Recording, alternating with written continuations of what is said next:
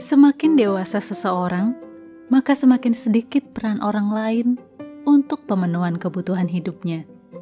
Misalnya, waktu bayi, apa-apa perlu bantuan orang tua.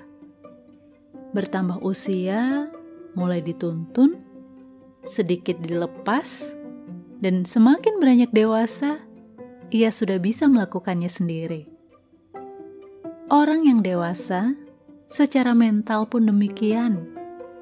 Hidupnya tidak hanya berpusat pada apa yang orang lain bisa kerjakan untuk diri saya, apa yang sudah saya raih untuk memuaskan hidup, tapi justru memiliki hati dan sikap apa yang bisa saya lakukan untuk membantu orang lain. Sudah di stage mana kita saat ini?